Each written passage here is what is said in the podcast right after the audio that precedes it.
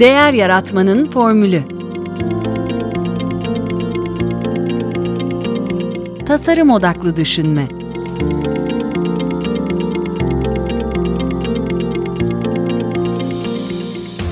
Merhaba, ben Mete Yurtsever. Değer Yaratmanın Formülü Podcast'inin ev sahibiyim. Ee, bu zor bir bölüm. Ee, zor günlerden geçiyoruz. Ee, Kahramanmaraş depremi çok acı bir tabloyu ortaya koydu. Hatta şu an yol açtığı zararı öngörmemiz mümkün değil. E, hayatını kaybedenlere rahmet, yakınlarını kaybedenlere başsağlığı ve sabırlar diliyorum. E, Cumhuriyet'in 100. yılı için bambaşka planlarımız vardı belki. E, ama şimdi 10 şehrimizi yeniden inşa etmek ve e, toplumun e, bozulan ruh ve beden sağlığını tedavi etmekle meşgul olacağız uzun bir süre e, gibi görünüyor. E, sanırım kimse bu afetin öncesinde ve e, sonrasında yapılanlardan tatmin olmuş değil. Ancak bunun muhasebesine burada girmeyeceğim. E, hem böyle bir yetkinliğim yok hem de e, elimizde yeterince veri yok e, diye düşünüyorum şu anda.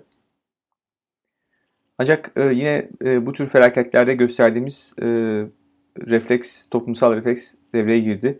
Müthiş bir seferberlik var. Özellikle depremden zarar görmeyen ve ülkenin ekonomisinde söz sahibi olan şirketlerde veya o şirketlerle çalışan iyi yetişmiş kişiler kendilerince örgütlenmeye ve destek sunmaya gayreti gösteriyorlar. Bir sürü gruplar oluşturuldu. E, kimi arkadaşlarını toplayıp yola koyuldu. E, kimi oturduğu yerden e, organizasyonlara e, ve koordinasyona soyundu. E, insanımız e, gerçekten bir zorluk karşısında çok dirençli, çok özverili, e, çok pratik. E, hemen işe koyuluyoruz. E, planlama bize yetişemiyor çoğunlukla. E, aradaki verim farkında e, daha çok çalışarak, itişe kakışa, biraz kıra döke kapatıyoruz ya da kapatmaya çalışıyoruz. E, şimdi burada içinden çıkamayacağım bir e, sosyolojik analiz içine girmeyeceğim ama e, gördüğüm temel bir eksikliği e, bu bölümde işlemek istiyorum. Kriz anında yardıma koşuyoruz ama bunu uzun zamana yayılan bir çaba ile göstermiyoruz. Gönüllülükten bahsediyorum. Gönüllülük hakkında size bir rapordan ve kendi gözlemlerimden bahsedeceğim. Şimdiden konunun uzmanlarından, akademisyenlerden özür diliyorum. Her zaman da onların eleştirilerine ve söylemek istediklerini duyurmaya açığım tabii. Onu da peşinden söyleyeyim. E, Türkiye'de e, Gönüllülük adında bir rapor var. E, İstanbul Bilgi Üniversitesi'nin yayınlarından çıkmış. E, 2016 yılında. E, yazarları Emre Erdoğan, Pınar Uyan Semerci, e, Nurhan Yentürk ve Laden Yurttagiller. Uluslararası e, Sosyal Araştırmalar Programı'nın e, 2014 yılına ait bir çalışmasından bahsediyorlar. Bu rapora göre Türkiye'de yetişkinler arasında herhangi bir gönüllülük faaliyetinde bulunanların oranı sadece %6.2. E, ve bu araştırma kapsamındaki ülkeler arasında bu sondan ikinciliğe denk geliyor. E, son sırada %5 ile Rusya var. Her şeyin e, devletten beklendiği bir ülke diyebiliriz sanıyorum Rusya için. E, biz de işte bir tık iyiyiz orada. E, listenin başında ise devletin hiç de zayıf olmadığı ama insanların inisiyatif alma, e, biraz belki rahatını bozma konusunda tereddüt etmediği Danimarka, ABD, e, Hollanda, İsviçre gibi ülkeler var. Burada da iki kişiden birinin e, gönüllülük faaliyetlerinde bulunduğunu görüyoruz. E, aynı araştırmada bu 6.2'nin bizdeki 6.2'nin profiline e, erişebiliyoruz. E, erkekler kadınlara kıyasla biraz daha fazla gönüllü. E, burası belki ilginç ama e, sahadaki koşullar göz önünde bulundurulduğunda belki e, anlaşılabilir. Eğitim düzeyi arttıkça gönüllülük e, yapma oranı da ciddi oranda yükseliyor. E, örneğin doktoraya sahip insanlarda %38,5'a kadar e, çıkıyor. E, üniversite mezunlarında %17. E, çalışma durumu da belirleyici tabii. Yani öğrenciler ve çalışanlar arasında %10'a yükseliyor. E, işsizler ve ev hanımlarında %2'ye düşüyor. E, ancak yapılan analizde en önemli faktör e, az önce söylediğim eğitim seviyesi olarak ortaya çıkıyor. E, bu çalışmanın sonrasında e, bu araştırmayı yayınlayanlar bir kenarı bir e, araştırma yapıyorlar. 2019 e, sonbaharında 1016 kişiyle e, ve bu kişileri de sivil toplum kuruluşlarının e, gönüllü e, veri tabanından elde etmişler. Yani bu anlamda tabii Türkiye temsiliyetinden belki bahsedemeyiz. Bunu kendileri de kabul ediyorlar ama e, şüphesiz e, değerli bilgiler sunuyor rapor. Gönüllülük faaliyetlerinde bulunan alanları sıralamışlar. Belki merak ediyorsanız siz de işte en başta çocuklar geliyor. Pardon en başta eğitim geliyor sonra çocuklar. E, gençlik, e, insan hakları, çevre, e, kadınlar, kültür ve sanat, sağlık ve yoksullukla mücadele diye e, gidiyor e, azalarak. E, siyasi, e, yaşlılar, din ve hemşerilik e, %10'un altında örneğin. E, ama sanırım bu çalışmaya dahil edilen paydaşlarla alakalı bir düşük temsil etme meselesi.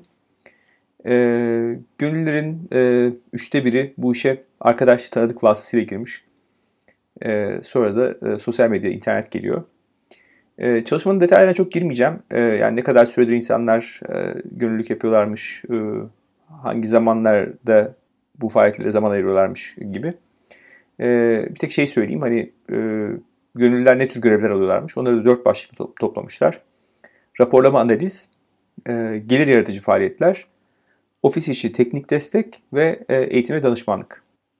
Çalışmada e, gönüllülerin gönüllülük hakkındaki düşüncelerine e, biraz e, bakarsak, e, gönüllüler bu çabaya e, girmekten oldukça mutlular, e, memnunlar. Bir ilginç bir tespit var. E, malum bu sivil toplum kuruluşlarında bir profesyoneller var, e, bir de gönüllüler. E, bir gönüllü profesyonellerden farkları için e, şunu söylemiş. Dernekte çalışan bir kişi mutsuz olabiliyorken biz bu işleri yaparken çok mutlu oluyoruz demiş. Bir başka katılımcı da e, faydalanıcı bir çocuğun e, gerçekten gönüllü olarak geliyorsunuz ya da gözleriniz çok gülüyor diye e, ifade etmiş bu farkı. Bu ilginç tabii. E, bir de e, özellikle kendi kimliği, kendi politik duruşuyla o STK arasında çok yakın ilişki kuranların e, çok şey öğrendiklerini, dönüştüklerini, değiştiklerini ve bunun aslında kendileri için bir yolculuk olduğunu e, söylediklerini görüyoruz. E, bu noktada e, gönüllülük, e, mutluluk ya da tatminden çok e, bir dönüşüm, e, bir değişim, bir varoluş olarak e, tarif edilmiş. E, ve gençler e, bunun kıymetini e, daha iyi anlıyorlar haliyle. E, gönüllü olmasalar da hiçbir şekilde edinemeyecekleri bilgi ve tecrübelere ulaştıklarını, e, bazen çok önemli süreçlere şahitlik ettiklerini e, ancak bu durumunda çok görünür olmadığını e, ifade etmişler. E, bunu e, kendileri de çok fazla dillendirmiyormuş. Çünkü bu faaliyetlerin e, ciddiye alınmaması gibi bir e, durum var.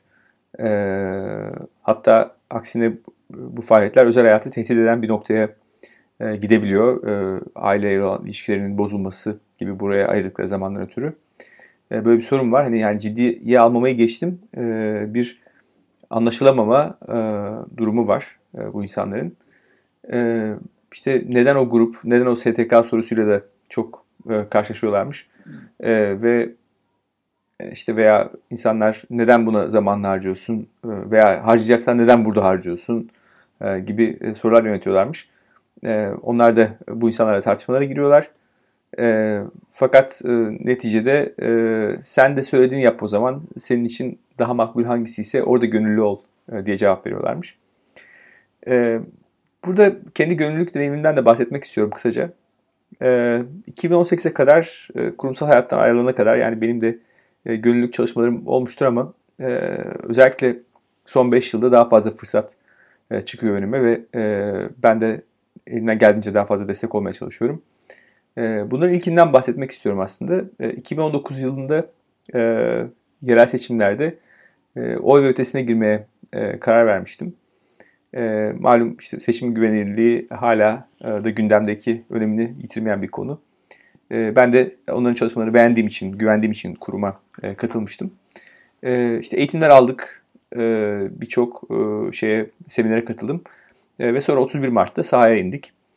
E, o gün e, sandık başına geçirdiğim yaklaşık 15 saatte anladım ki e, asıl katkım e, bu sandık sonuçlarının sağlamasının yapılmasının değil, e, oy kullanma anındaki e, sayım kuralları, e, oradaki usuller e, hakkında aslında sandık başkanından e, daha fazla bilgiliyim. Bunun farkına varmıştım.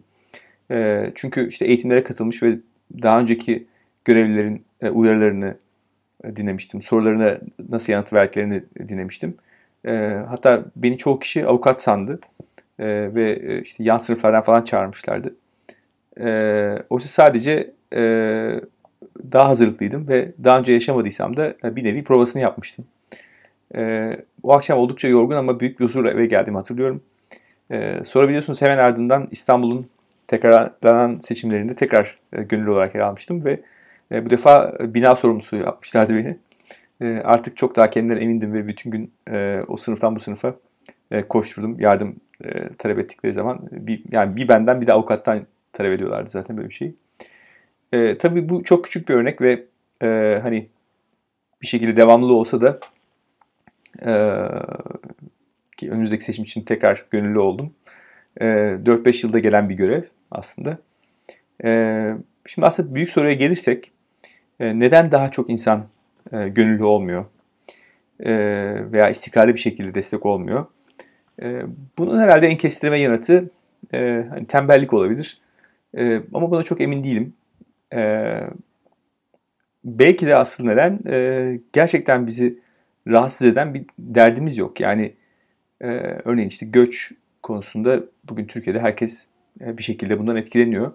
E, ama bu konuda e, bir şey yapmaya belki çok e, bizi o kadar rahatsız etmiyor belki de. Yani bizi derken yakın çevremden bahsediyorum. Belki İstanbul'da yaşayan işte beyaz yakalı profesyoneller e, belki onları gördüğüm için e, veya işte kadın konusu e, kadının toplumdaki e, hakları, e, toplumdaki faaliyetlere katılımı anlamında veya yoksulluk veya cehalet anlamında bunlar bir şekilde bunlardan şikayet ediyoruz. Mutlaka e, birbirimiz arasında bir şey konuşurken ama demek ki o kadar da bizi belki e, etki etmiyor bilmiyorum. E, o kadar gündemimize girmiyor yani. Bir de tabii şey var. Başkası yapsın bana mı kaldı? Bu seyirci etkisi dediğimiz konu. Yani yardıma ihtiyaç duyulan bir konuda bir durumda çevrede olaya tanıklık eden kişi sayısı ne kadar fazlaysa müdahale eden kişi sayısının o kadar düştüğünü belirten bir psikolojik terim, bir e, sapmalarımızdan bir tanesi. E, bu da sanıyorum azımsanmayacak bir e, şeye paya sahiptir. E, bugün e, sizi bu sorularla bırakayım. E, önümüzdeki hafta bir e, akademisyen ve sosyal gelişimci olan Itır Erhard'la e, konuşacağız. E, konuğum olacak ve e, kendisi sivil toplum alanında Türkiye'de önde gelen isimlerden bir tanesi. Onunla e, gönüllülüğün Türkiye'de geliştirilmesinin yollarını konuşmayı istiyorum. Öndeki, önümüzdeki engelleri bu konularda onun da fikrini almak istiyorum. Sizlerin de bu konuda görüşleri varsa, soruları varsa onları da bana iletebilirsiniz. Tıra onları da yöneltebilirim. İlginiz için çok teşekkür ediyorum. Tekrar görüşmek üzere. Bu podcast'te yurt içinden ve yurt dışından bilim insanlarına, akademisyenlere, tasarımcılara, iş insanlarına, danışmanlara ve eğitmenlere değer yaratma formüllerini soruyorum. Amacım Türkiye'de değer yaratmaya çalışan kişilere konuklarımın deneyimlerinden ilham vermek. Podcast haricinde ise ilham vermenin ötesinde elimden geldiğince bu yolda kolaylaştırıcı olmak istiyorum. Bunun için size iki aşamalı bir teklifim var. Eğer benimle ve diğer dinleyicilerle bir araya gelmek ve etkileşime girmek isterseniz sizi kitap kulübümüze davet edebilirim. Podcast'imin ve bence değer yaratmanın çerçevesini oluşturan davranış bilimi, kişisel gelişim, girişimcilik, pazarlama ve inovasyon başta olmak üzere iş dünyası alanından kitaplar okuyoruz. Her ayın son çarşamba akşamı çevrim içi buluşup o ay kulüpte okuduğumuz kitabı tartışıyoruz. Eğer kariyerinize bir değişiklik, bir atılım planlıyorsanız ya da mevcut işinizde kendinizi geliştirmek istiyorsanız size bir önerim daha var. Farklı disiplinlerden kafa dengi, öğrenmeye açık insanların birbirlerinin gelişimine, üretimine destek ve ortak olma taahhüdüyle bir araya geldiği bir topluluğumuz var hem kitap kulübü hem de derya topluluğu hakkında bilgi almak ve kayıt olmak için meteyursever.com'u ziyaret edebilirsiniz. Bu podcast'i beğendiyseniz favorileriniz arasına alabilir, sosyal medyada paylaşabilir, hatta Apple'da dinliyorsanız yıldız ve değerlendirme bırakabilirsiniz. Bütün bunlar bu yayınların daha çok kişiye ulaşmasını sağlayacak ve tabii benim için de büyük bir motivasyon olacak. Eleştiri, beğeni ve önerilerinizi bana LinkedIn üzerinden iletebilirsiniz. Desteğiniz için çok teşekkür ederim. Tekrar görüşünceye dek. Sağlıkla kalın, hoşça kalın.